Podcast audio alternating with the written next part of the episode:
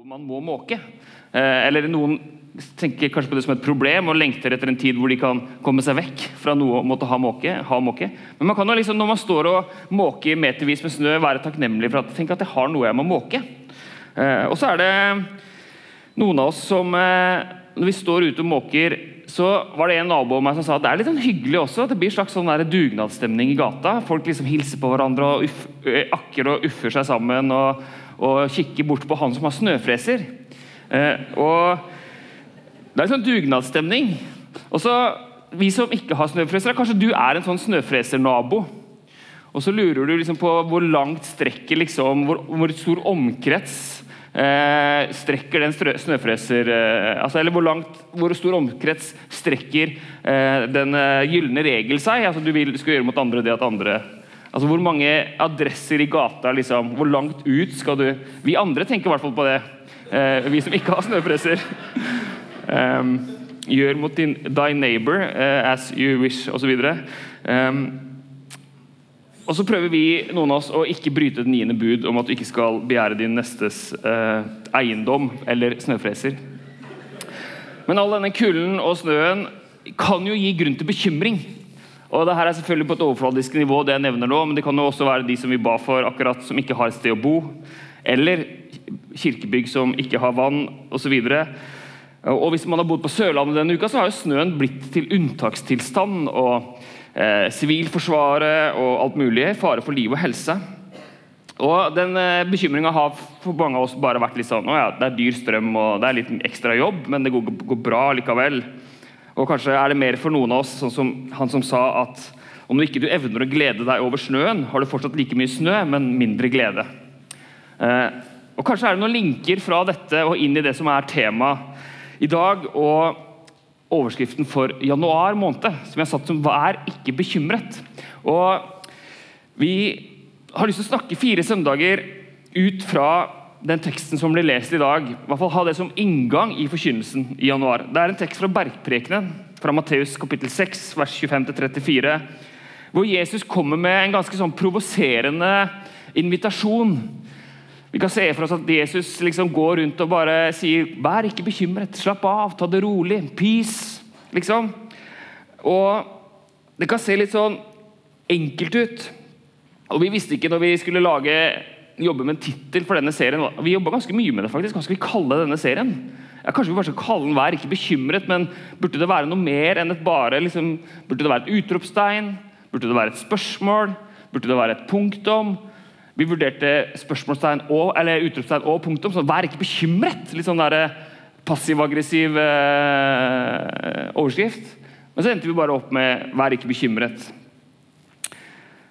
Men denne påstanden til Jesus har om at søk først Guds rike, så skal du få alt det andre i tillegg. Det er noe av det vi skal snakke om. Neste søndag er det Olai Govertsen som forkynner. Han er ungdomsarbeider her i kirka. Eh, tar en master i teologi om dagen. Og Søndagen etter så får vi besøk av Andreas Nydahl. Han eh, er en psykiater og forfatter som har skrevet boka 'Kakofonen', som jeg har snakka om tidligere i gudstjenesten her. om eh, mobilbruk blant annet, og skjerm og distraksjoner. og sånn. En kjempespennende kristen psykiater som eh, bl.a. har jobba mye med unge og meningstap. Han kommer og forkynner den tredje søndagen, og så den fjerde søndagen så er det Heidi Kokkdrønen som skal forkynne. Hun er daglig leder i Nærmere-senteret her på huset. Og i tillegg mange år jobba på Betanien diakonale stiftelse og har masse gode refleksjoner om alt som er viktig, vil jeg si, men også om dette temaet. Men hvorfor vær ikke bekymret? Det var flere saker utover høsten og samtaler vi hadde og bønner vi ba, som gjorde at vi tenkte at vet du, det her vil vi sette på dagsorden. Og Man kan jo bare se på nyhetene eller lese eh, artikler om psykisk helse eller høre, som sagt, høre og lese overskrifter for å forstå at bekymring er aktuelt. Og Vi går inn i 2024 med mange reelle årsaker til bekymring. Det er krig, klimakrise, vi har verdensøkonomien som er usikker. Eh, det er valg i USA i år, og vi tenker liksom hvordan vil det gå? Og mange av disse store tingene er liksom utenfor vår kontroll. Utenfor vår mulighet til å reelt kunne gjøre noe med det. Altså gjøre noe som monner virkelig, liksom. I tillegg har vi alle de nære grunnene for bekymring. i våre egne liv. Og I idémyldringa når vi med denne serien, så sa vi at kanskje vi skulle starte første søndagen med en slags menti. En slags digital Alle kunne skrive noe de er bekymra for, så kunne vi sett det her på skjermene. Og så fant vi ut at Det var en veldig god idé, og samtidig så er det egentlig ikke nødvendig. For jeg tror Hvis vi, bare erkjenner at i dette rommet, og i våre familier, og i våre nabolag og på våre arbeidsplasser, så er det mange gode grunner og ulike grunner til at folk er bekymra. Og Det ser vi også på bønnelappene som skrives på gudstjenesten under nattverden. At er, ja, vi, vi, bærer på ulike ting, og noen av oss har for mye å, bære. Men det er også ulikt. Eh, og Kanskje det jeg sier nå, for en del ikke, at dere ikke vil kjenne dere helt igjen i det jeg sier. Eller motsatt, dere vil kjenne dere igjen uavhengig av om du kjenner at det er krise i livet. Kanskje du kjenner at jeg har det veldig fint. Jeg har veldig få grunner til å være bekymra. Og det er veldig bra. Allikevel så tror jeg det som vi skal si disse ukene, kan være relevant for deg. En av mine inspirasjoner for denne serien kom da jeg leste en bok i høst. En kort, liten bok av Henry Nowen som heter 'Making All Things New'. Og Nowen var en kjent katolsk prest og forkynner og forfatter. Åndelig veileder. og Nowen fikk flere ganger spørsmålet hva mener du når du sier 'the spiritual life', det åndelige livet. Hva mener du da? Og så svarte han med å skrive en kort, liten bok om det. 'Making all things new', med undertittel 'The invitation to the spiritual life'. Invitasjonen til det åndelige livet. Og han skriver ut, starter og skriver ut fra denne teksten som vi har som utgangspunkt disse søndagene, Matteus kapittel 6. Han begynner å skrive om bekymring som inngang til å snakke om hva det åndelige livet er. Og en ting som slår meg når jeg leser navnens bok, er jo liksom hvor aktuell den er. Hvor oppdatert den er på de siste trendene og utviklingene og de tingene vi snakker om i vår tid, og det vi er bekymra for, og hastigheten osv. Han skriver om det økende tempoet, han skriver om den teknologiske utviklingen, han skriver om konkurransesamfunnet, han skriver om all reklamen som vi bombarderes med. Han skriver om den psykiske helsa. Så tenker jeg wow, han må ha skrevet denne i fjor. Men så, nei, han skrev den i 1981.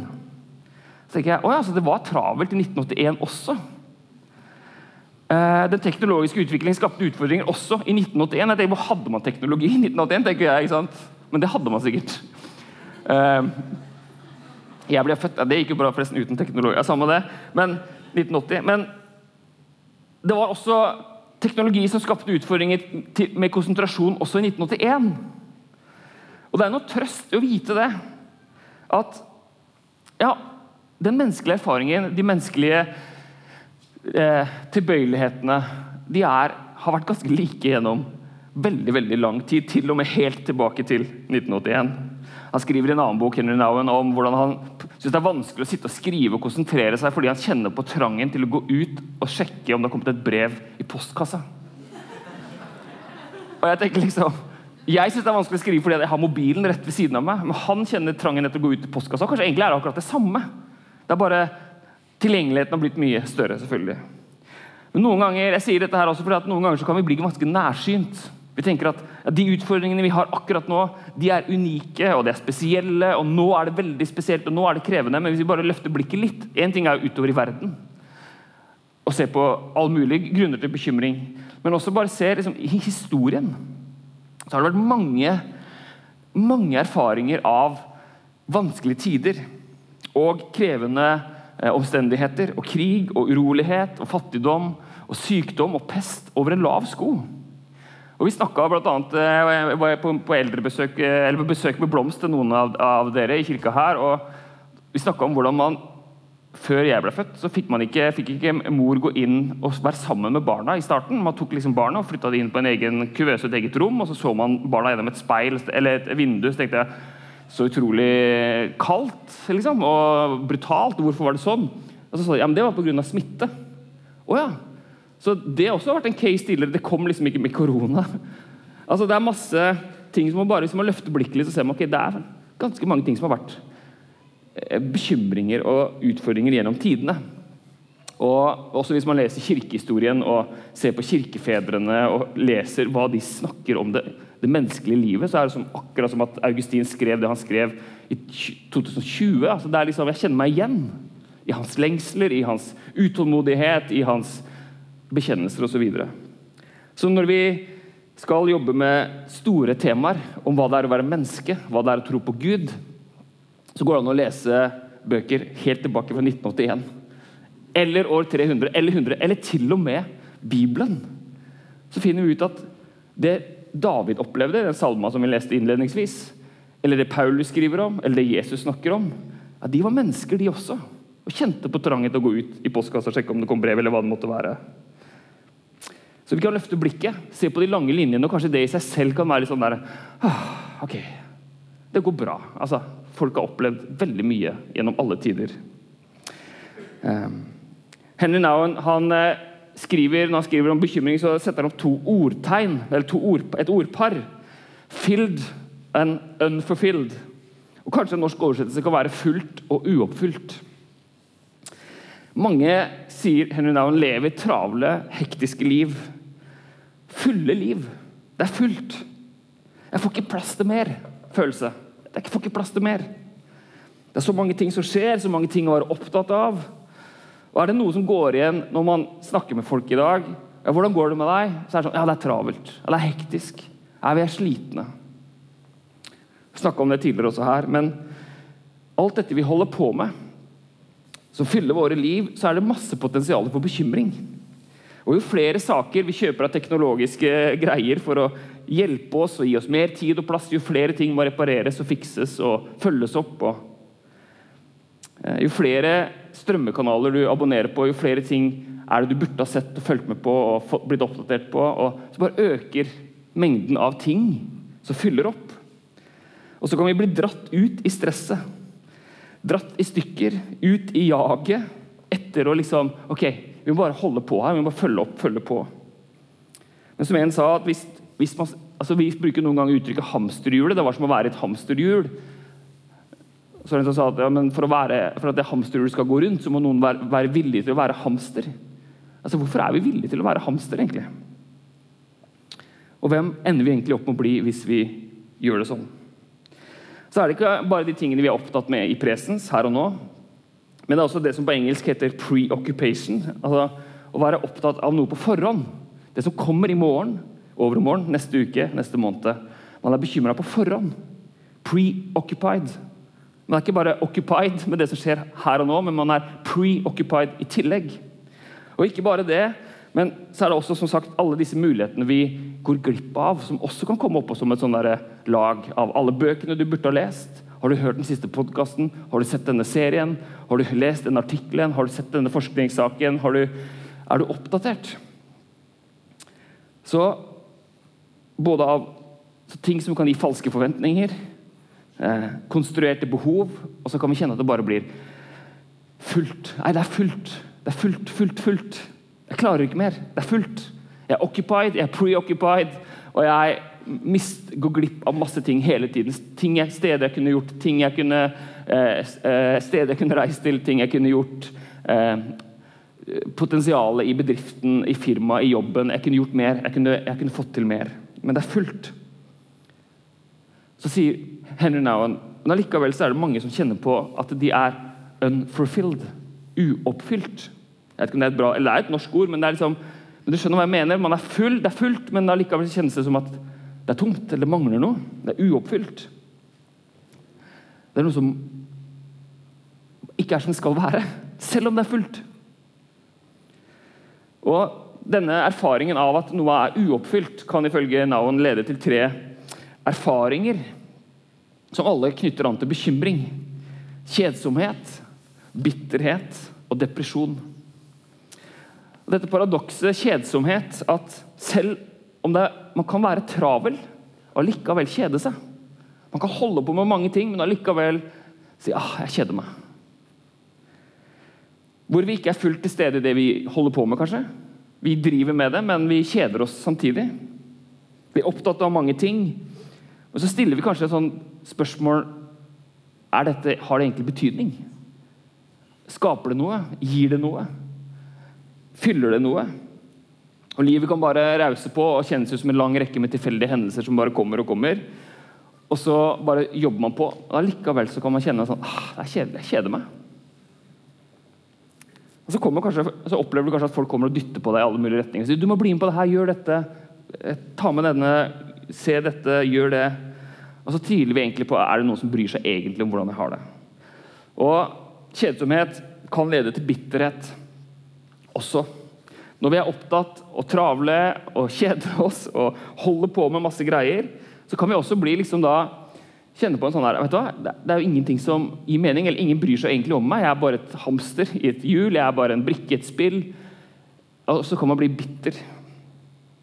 Man kan bli også siden av en manipulert og brukt og utnytta. Kjenne på sånn her, Jeg er bare liksom et objekt i noens liv. Jeg er ikke et subjekt i mitt eget liv, og jeg liksom snakker jeg, og det er meg, og jeg kan leve livet ut fra et senter, men jeg blir bare brukt som en eller annen brikke. Så kommer bitterheten og kanskje også sinnet. kan følge denne følelsen av å være liksom, Det gir jo ingen mening.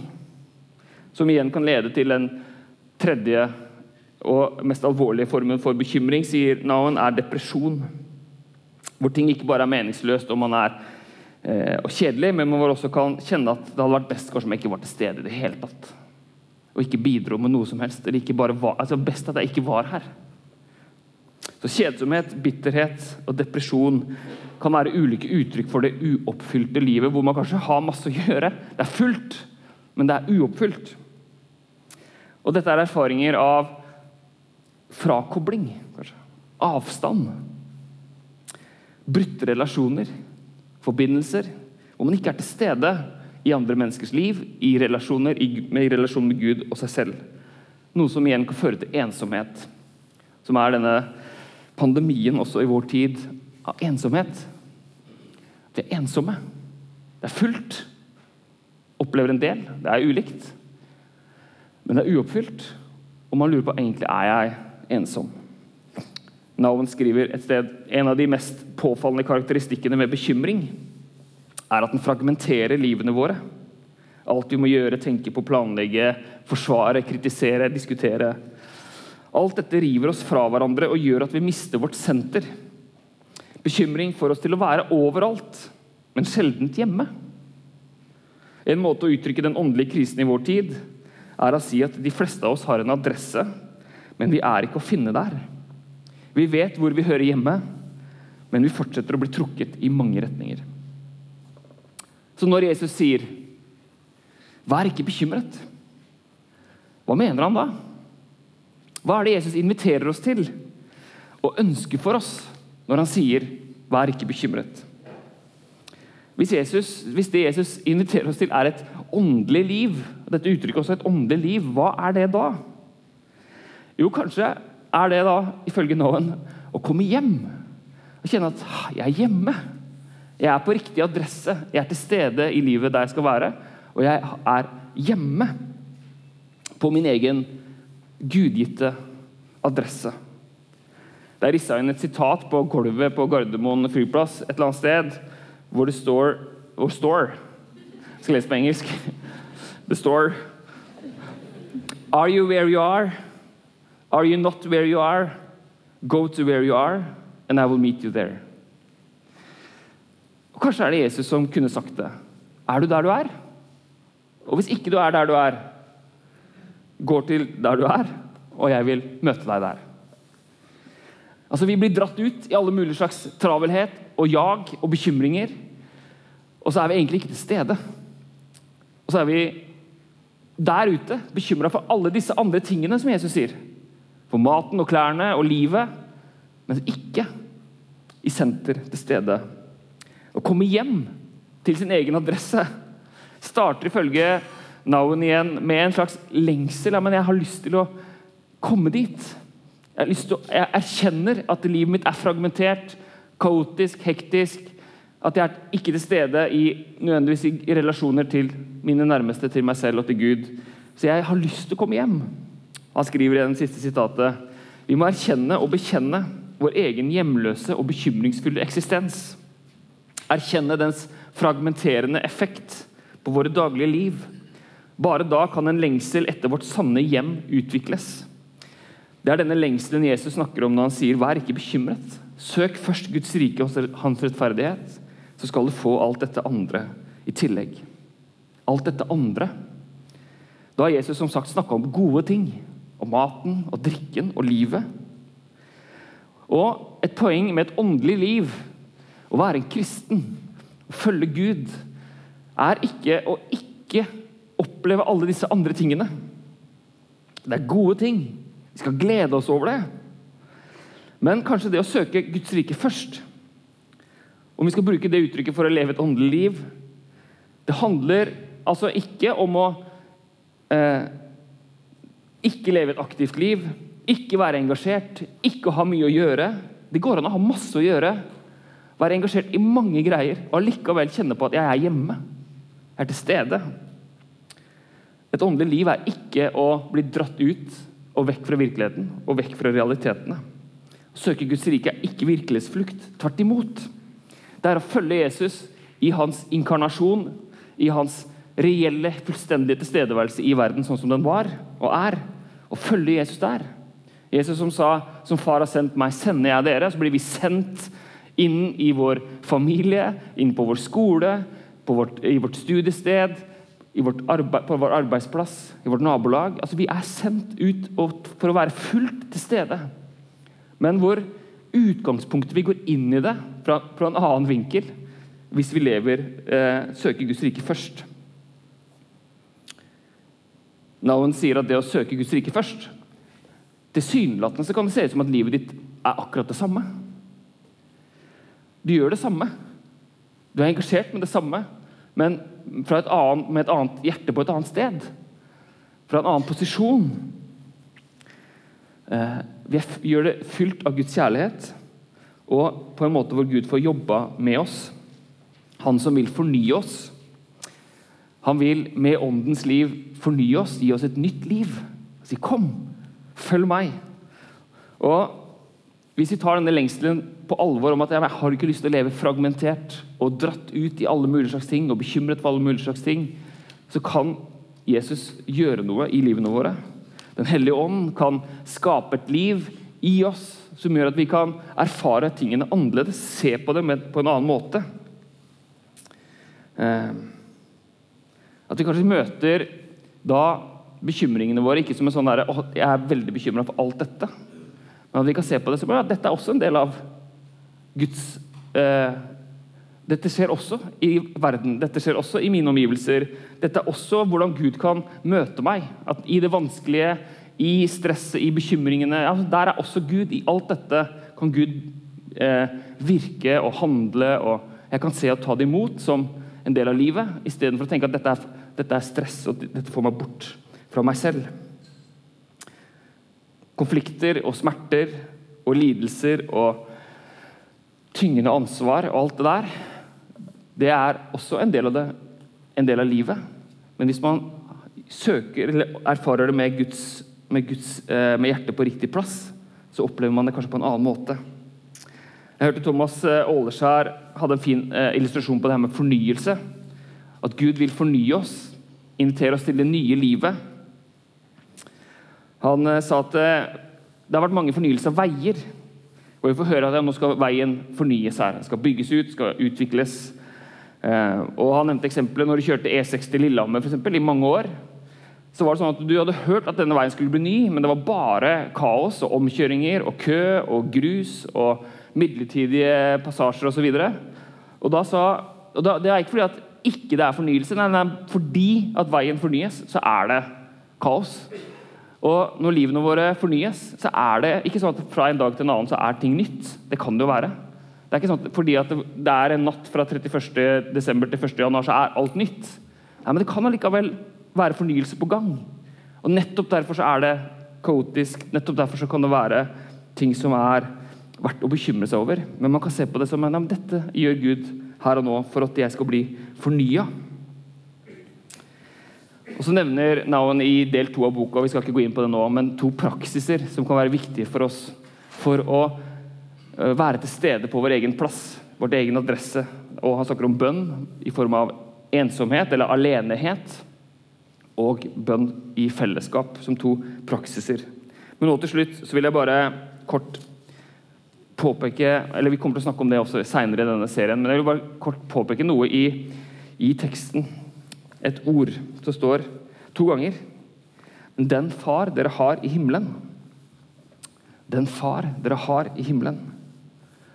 Så står det Han vet jo hva dere trenger. Vær ikke bekymret. Den far dere har i himmelen. Hvem er det som inviterer oss hjem? Til oss selv og til seg selv og til å møte oss der hvor vi er? Jo, det er Gud. En god far i himmelen. Vi har en god far, en Gud som ifølge Bibelen vi kan kalle for Abba, som betyr pappa. I 1. Peters brev kapittel 5 så står det 'Kast all deres bekymring på Han, for Han har omsorg for dere'. Så med den bekymringa du kommer på gudstjenesten i dag, hva det måtte være, ja, kast den på Gud. Ja, vi skal ikke være bekymra. Vi har en god far, han har, og han har omsorg for oss. Eh, apropos ting man ikke trenger å se, men som jeg så i romjula. Det var en serie, og det er litt sånn rar referanse å komme inn helt på slutten av preken, når jeg om det jeg har gjort, men jeg så en serie som heter 'Hodet i klemme'. Med hodet i klemme. På NRK. Er det noen som har sett den? Ikke mange? Nei, det skjønner jeg, for liksom, den har bare passert meg som en uh, Uh, ja, som et skip i natten. Uh, og ikke, la, ikke, se den heller. Trenger ikke det. Her trenger du ikke å se. Altså, en av de alle tingene du ikke trenger å se. Men uh, det er en interessant dokumentar av følge bryterlandslaget. Jeg, visste, jeg kan, kunne nesten ikke noe med bryting, selv om jeg gikk på judo da jeg var liten. og følge bryterlandslaget og, og, noen karakterer, fire av bryterne og han treneren i midten der. Og Det er en fantastisk spennende serie. Eh, ikke se den, trenger ikke å se den i det hele tatt. Men, eh, eh, men den bare viser noen utrolige menneskeportretter og noen helt enorme liksom, fortellinger om relasjoner og konflikter og spenninger. og sånn. Så du, Bryting er på en måte bare en slags bihistorie her. Men det er noen utrolige fortellinger. Men det som gikk, gjennom, gikk opp for meg når jeg så den serien, var at alle disse gutta Bryting er en helt enormt eh, krevende sport. og de, satt Ekstremt fysisk. og de, Han ene hadde vært syv, sydd 27 ganger i ansiktet, eh, f.eks. Så det er jo bare helt enormt sånn fysisk. og Man slåss, og man har bare kroppen sin å kjempe med. Men det som var felles for alle disse gutta, det var at de ikke hadde hatt en far til stede i livet sitt. Og det bare slo meg liksom det var, det var brutt, eller Faren hadde ikke vært til stede. Faren hadde ikke hadde vært eh, dårlig, altså eh, voldelig eller eh, Og Det var på en måte ikke et slags eget tema i serien, men alle gutta fortalte om det. Så ble ikke det gjort et veldig stort poeng ut av, men han ene blant annet, eh, Morten Hagen, eller hva heter han? Morten eh, ja, Jeg husker ikke navnet. Han så uten, uten fortenner, som var med på 'Forræder'. Ikke se den heller. Eh, han ja, han som du ser, han, han der, han til, til høyre for Fritz Aanes der. Han forteller om hvordan faren hans aldri hadde sett ham bryte. og Han er europamester, men faren hadde aldri vært til stede. Men på VM på hjemmebane i 2021 og spoiler jeg litt av serien her, så kommer faren for første gang på tribunen. Og Så ser du bare denne utrolig tøffe, sterke karen gråter. Liksom. og det, det, viktigste for han er at faren hans er på tribunen. Um, og Det bare illustrerer for meg hvor viktig det er for oss med en far, og en god far og hvor mye det kan bety, og hvor viktig bryting hadde vært for disse i, i den eh, konteksten. Hvorfor sier jeg dette? Jo, fordi det står i dagens tekst Men den far dere har i himmelen Den far dere har i himmelen Og selvfølgelig kan det gå veldig bra også med mennesker som har fraværende fedre, og disse gutta er eksempler på det også. Men vi har en god far i himmelen som vil oss godt, og som sier 'kom til meg'. Vær ikke bekymret. Og som inviterer oss til et liv hvor vi ikke skal være der ute i alle bekymringene, men hvor vi skal være hjemme hos oss selv, i relasjon med våre nærmeste, hos Gud. Så kan vi møte livet med hjertet på et annet sted og med en annen trygghet. At Gud elsker oss, at Gud er god, at han vil oss godt. Så kan vi møte hverdagen og alt som skjer, fra en annen et annet perspektiv. Vær ikke bekymret. Eh, og En annen måte å si eh, at vi har en god far på, er kanskje at vi har en god venn når vi skal synge en sang som heter 'Hvilken venn vi har i Jesus'. Som er en gammel klassiker, og, men også en som bryr, oss, bryr seg om oss og går sammen med oss. La oss be en bønn.